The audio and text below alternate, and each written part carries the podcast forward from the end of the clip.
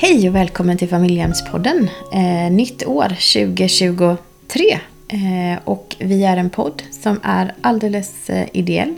Eh, och vi tar upp ämnen som berör eh, familjehemsvård i olika perspektiv. Både utifrån föräldrars, barns och familjehemmens och inte minst socialtjänstens. Så att vi försöker täcka in alla olika perspektiv. Och lyssna gärna på gamla program. Vi finns på familjehemspodden.se. Vi som har podden är Monia Sunesson. Och Birgitta Harberg. Ja. Ja. Och idag är det ju då första programmet 2023. Stämmer det Monia? Så vi tänkte summera vårat, våran höst 22. Precis, för våran höst 22, den var ju rätt maffig för både dig och mig. Eh, Både liksom privat och yrkesmässigt. Men eh, om vi ändå skulle summera lite grann, vad var det för program vi gjorde då? För det är ju mer intressant för lyssnarna än vad, vad vi har hållit på med i vårt privatliv och yrkesliv. Absolut. Ja. Men vi började med att vi hade vår fantastiska familjehemspsykologen Lotta Winbäck som var här och pratade med oss. Och Lotta hon har ju ett Instagramkonto, eh, familjehemspsykologen, och skriver även i, i några tidningar och ger tips och råd till eh, folk som undrar hur ska vi göra med våra familjehemsplacerade barn? Hur ska vi tänka och hur kan vi agera? Mm. Och vi intervjuade ju henne två gånger under hösten. Mm. En, det första programmet i augusti, då var det lite om vad hennes tankar med att ha familjehemspsykologen på Instagram och vad hon tänkte runt familjehemsvård. Det var ett intressant program. Mm. Och sen Kom hon tillbaka? Ja. Ja. hon kom tillbaka och då hade vi fått möjligheten att genom er lyssnare ställa olika frågor till Lotta som hon fick eh, svara på. Och vi fick lite gensvar faktiskt eh, ifrån lyssnarna som tyckte, tackade och tyckte det var jättebra och jag tror att de faktiskt har gått vidare och frågat Lotta direkt sen också. Ja, vad kul. Mm, Mm. mm. Men när man är intresserad så handlade det sista programmet med henne om just umgänge som ju är faktiskt en, en av de mest utmanande frågorna ibland för familjehem och för barn och för föräldrar. Ja, det är svårt. Vad är egentligen det bästa för barnen och hur ska vi tolka och förstå barnens olika uttryck och kanske ibland också föräldrarnas förtvivlan av att vilja ha sina barn hos sig och samtidigt förstå att de inte kan det just nu. Mm. Så där fick vi mycket bra input. Sen hade vi ju som vi försöker ha var tionde avsnitt, ett frågeavsnitt. Och där fördjupade vi oss lite i vårdnadsöverflytt. Och det programmet, vi har haft ett tidigare om vårdnadsöverflytt, men just det programmet så fördjupade vi oss lite mer utifrån socialsekreterarperspektivet. Vilka delar man ska göra. Eh, och så pratade vi om barnperspektivet, för du höll på med en bok. Mm. Eh, och vi pratade också lite mer om medgivande, vad det innebär. Precis. Och efter det så hade vi ett lite annorlunda avsnitt för då hade vi nämligen Eva Edberg med Klaras kalasbra som kom och läste om sina böcker och berättade lite grann om hur det kom sig att hon skrev de här böckerna. Väldigt givande, ett uppskattat program har vi sett när vi tittar tillbaka. Ja, för Eva var ju placerad Mm. och har ju skrivit om sina upplevelser. Både kopplat till umgänge och att bo i familjehem. Precis. Är böcker för barn. Inte bara Klar- Klaras kalasbra utan många andra bra böcker. Mm. Mm. Ja, och sen så hade vi fantastiska Polly. Polly, ja precis. Det var en liten ny vinkling där. För hon har adopterat ett av sina familjens placerade barn. Och hon berättade om den processen, om den här svåra processen när ett barn är placerat och man inte vet hur länge. Känslomässiga där. Och det känslomässiga när det skulle gå igång en adoptivprocess. Eh, när man får slå om sina känslor på något sätt. Eh, och så pratar hon lite om, för de är ju fortfarande familjehem också. Mm. Och att ha valt bort biologiska barn var Ja. ju en av eh, bitarna i det, den intervjun. Precis. Hon har valt bort biologiska barn men hon har absolut inte valt bort barn. Precis. Mm. Och detta beslut har hon tillsammans fattat med sin man. Precis. Fantastiskt. Mm. Och det allra sista innan vi tog julledigt höll jag på att säga, men det var väl det vi gjorde. Då intervjuade vi Julia Dinome som eh, har eh, varit barn i ett familjehem, alltså ett, det som vi benämner som biologiskt barn. Så hon har vuxit upp med föräldrar som var jourhem och familjehem. Och detta har hon gjort en film om. Fosterfamiljen. Precis. Och den här filmen den har ju haft eh, premiär på biografer. Men den kommer att komma på SVT den 9 i andra. Och på SVT Play kommer man kunna se filmen från och med den 5 februari. Så vi tipsar jättemycket om det och vi hoppas även att vi kommer få tillbaka Julia när vi har fått titta på filmen för att mm. ställa lite fördjupande frågor. Mm, ja, för hon var lite klurig och ville inte svara på allt för hon ville inte spoila filmen. Nej, så var det. Och vi var så intresserade av att ställa frågor. Ja, mm. men eh, titta på filmen. Den i februari. Håll utkik. Ja. Och vi får ju tips och tankar från våra lyssnare och vi är jätteglada över det och fortsätt mejla oss. Vi blir lika glada varenda gång vi får ett mejl eller ett inlägg på Instagram eller mm. Facebook. Så vi tackar jättemycket för era tips och vi spinner vidare på dem och eh, gör lite program utifrån tips och tankar som vi får då. Mm. Mm. Ja, och jag vill bara trycka på att feedback ger ju energi att fortsätta med mm. podden eftersom vi gör det ideellt. Eh, och har an andra jobb i vanliga fall. Mm. Så fortsätt med det. Det är otroligt uppskattat. Eh, nu tänkte jag att vi bara skulle... Eh, du Birgitta, vi har ju nämnt att i tidigare program vi pratat om barnperspektivet barnperspektiv om höst, i höstas. Mm. Eh, och du har skrivit en bok och nu är den släppt. Vill du berätta något? Ja, den kommer att släppas. Den eh, kommer att släppas. Ja, precis. Jag har ju eh, en författarådra i mig. Så jag har ju skrivit en bok som har blivit släppt och nu eh, håller jag på i slutfasen kring en bok som heter Barnkonsekvensanalyser för barns rätt. Och, eller för barns bästa. Och den handlar helt enkelt om hur alla vi tjänstepersoner kan göra barnkonsekvensanalyser. Någonting som vi faktiskt ska göra sedan barnkonventionen blev lag här i eh, i Sverige 2020 januari.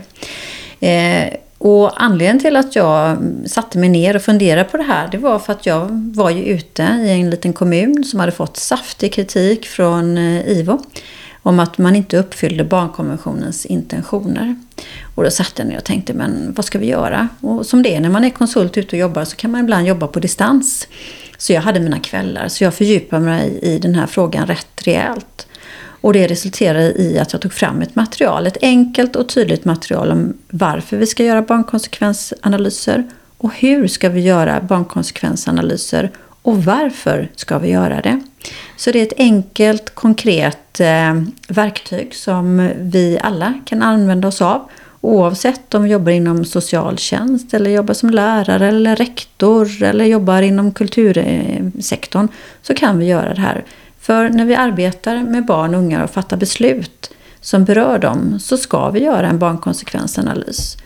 Och såklart inom socialtjänsten när vi måste använda oss av tvångslagstiftning eller säkra barn som har blivit utsatta för våld, övergrepp, sexuellt, vad det nu kan vara så ska vi också använda oss av barnrättsanalyser då, som vi lägger till en artikel.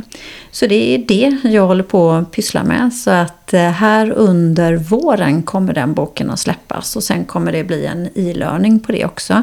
Eftersom jag håller utbildningar in real life som det är just nu kring barnkonsekvensanalyser. Mm. Jättekul! Både Tjörns kommun, Åstorps kommun och Falköpings kommun har ju infört den här modellen. Mm. Spännande! Mm. mm jättekul! Den boken väntar vi på. Ja, du har ju faktiskt varit med och läst Bidragit, den. ja. Varit var... lite sån där, vad det nu heter. Jag vet inte vad det heter. Kritiker kanske det heter, men det heter nog inte. läst haft synpunkter. ja, du har fått ja. läsaren komma med synpunkter. Ja, mm. precis. Mm.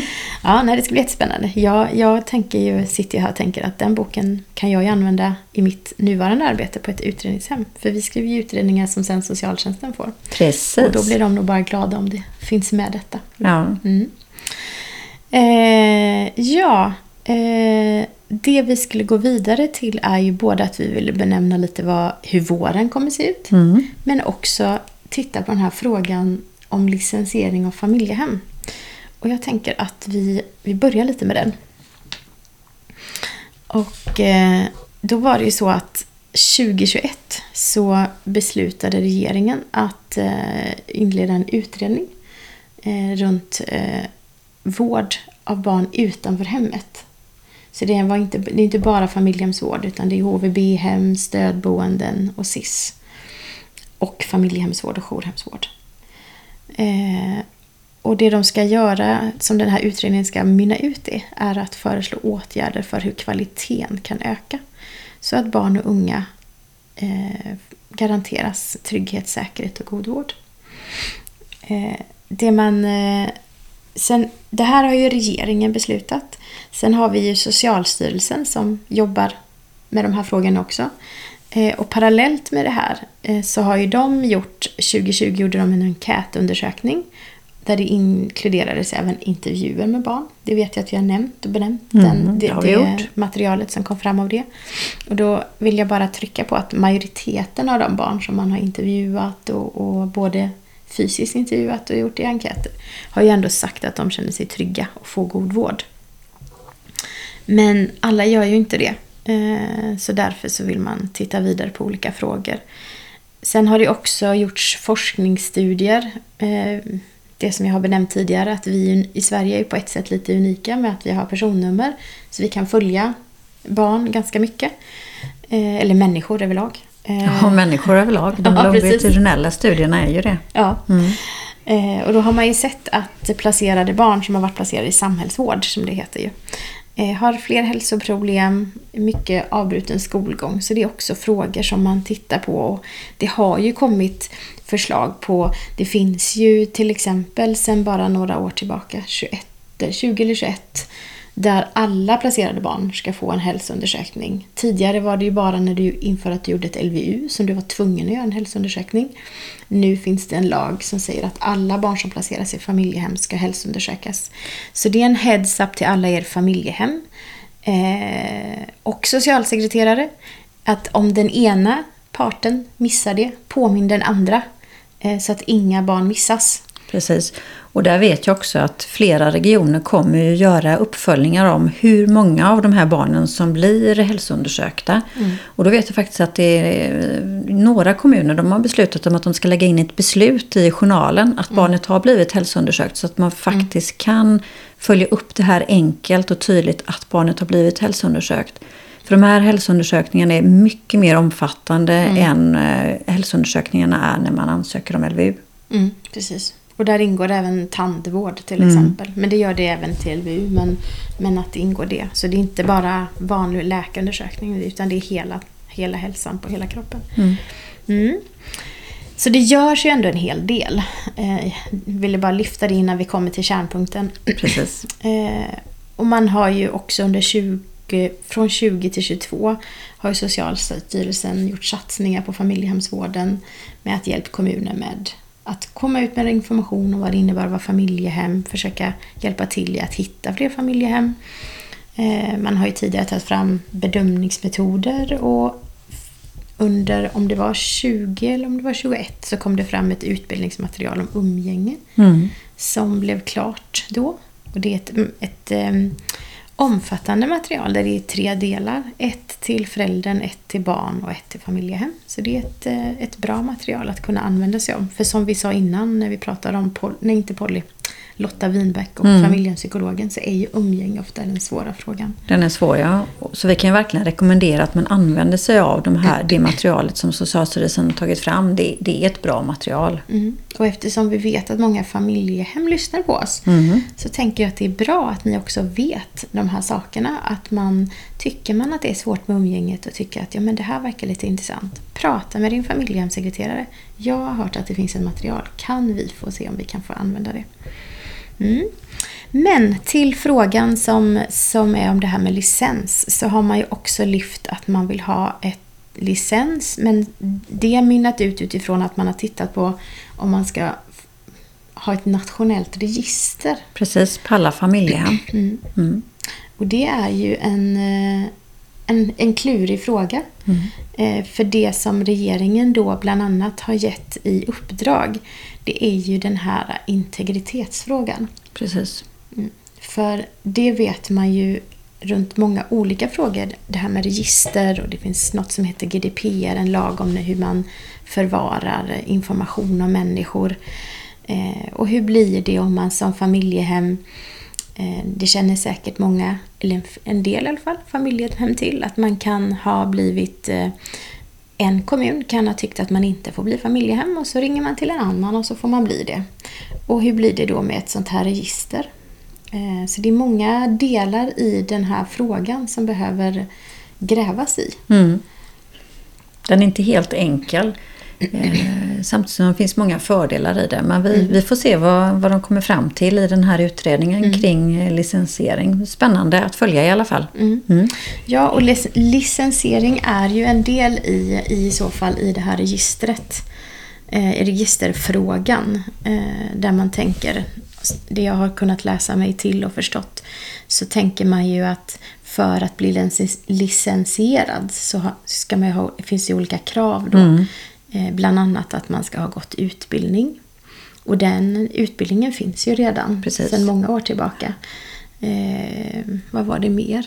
Eh, Att man har blivit utredd naturligtvis. utredd naturligtvis. Och att man har alla, att man inte har förekomster i polisregister och socialtjänstregister och sådana saker.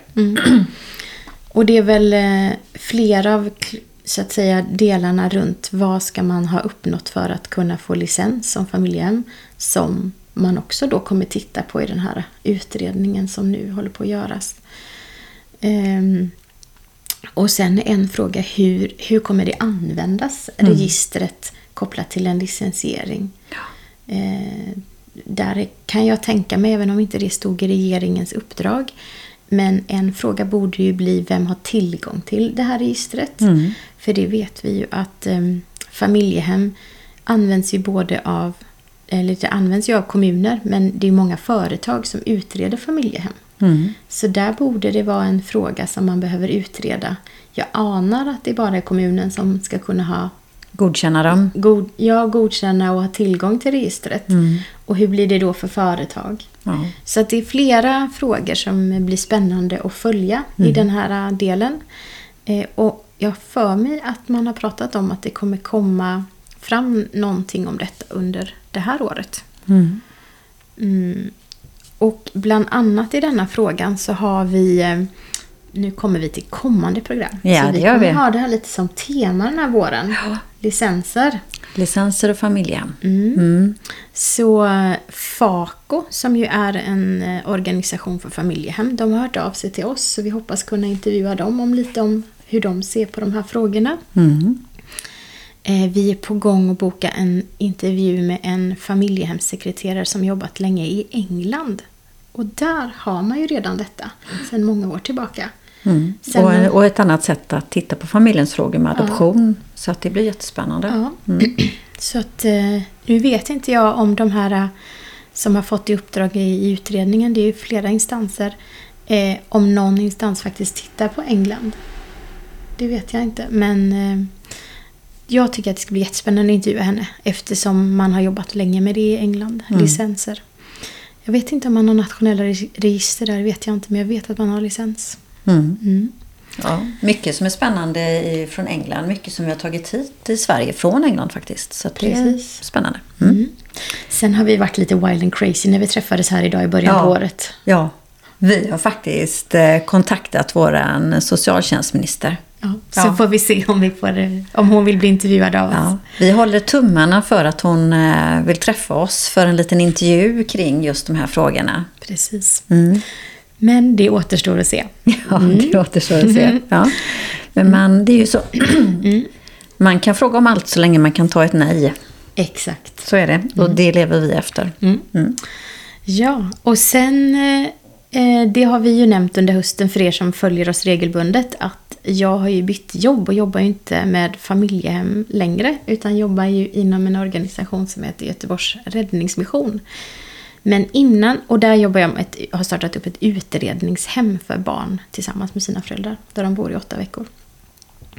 Men innan jag eh, tog, eller fick, eller vad det heter, det här jobbet, Mm. så har jag varit en del av ett projekt eh, för Göteborgs räddningsmission, jobbar också med familjehemsvård. Eh, som en idéburen organisation, sån här icke vinstdrivande organisation. Eh, och de har haft ett projekt eh, med eh, eh, Allmänna arvsfonden har man fått bidrag. Och så har det varit några personer som har jobbat med familjehemsvård och sen har vi haft Ingrid Höjer som är forskare inom familjehemsvård eh, som har varit en arbetsgrupp. Och sen har det varit eh, barn som har varit i arbetsgruppen. För det man har gjort är att man ska ta fram material som riktar sig till eh, biologiska barn i familjehem. Både kopplat till eh, vad heter det, när en familjehemssekreterare ska utreda familjehem ska det finnas material.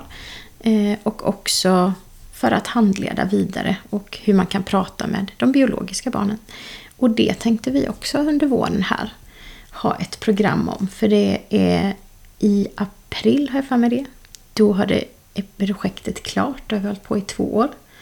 Eh, och då är det lansering och allt. Så inför det kommer vi intervjua dem också. Ja, spännande. Mm. Och jag som har varit på Monia så mycket, vad är det ni egentligen gör? Vad kommer mm. ni fram till? Då hon har sagt, du får vänta Birgitta. Nu mm. kommer jag kunna ställa alla de här mm. frågorna. Mm. Mm. Precis.